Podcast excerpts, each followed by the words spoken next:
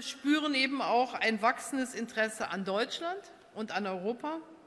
Deutschland wird im Allgemeinen als verlässlicher Partner in der Welt geschätzt. Viele wollen wissen, was wir in Deutschland und Europa denken, was bei uns passiert und wie man hier lebt. Und europäische Sichtweisen auf das weltweite Geschehen aufzuzeigen, ist eine Aufgabe, glaube ich, die auch nach dem Ausscheiden Großbritanniens aus der Europäischen Union noch wichtiger als ohnehin schon sein wird.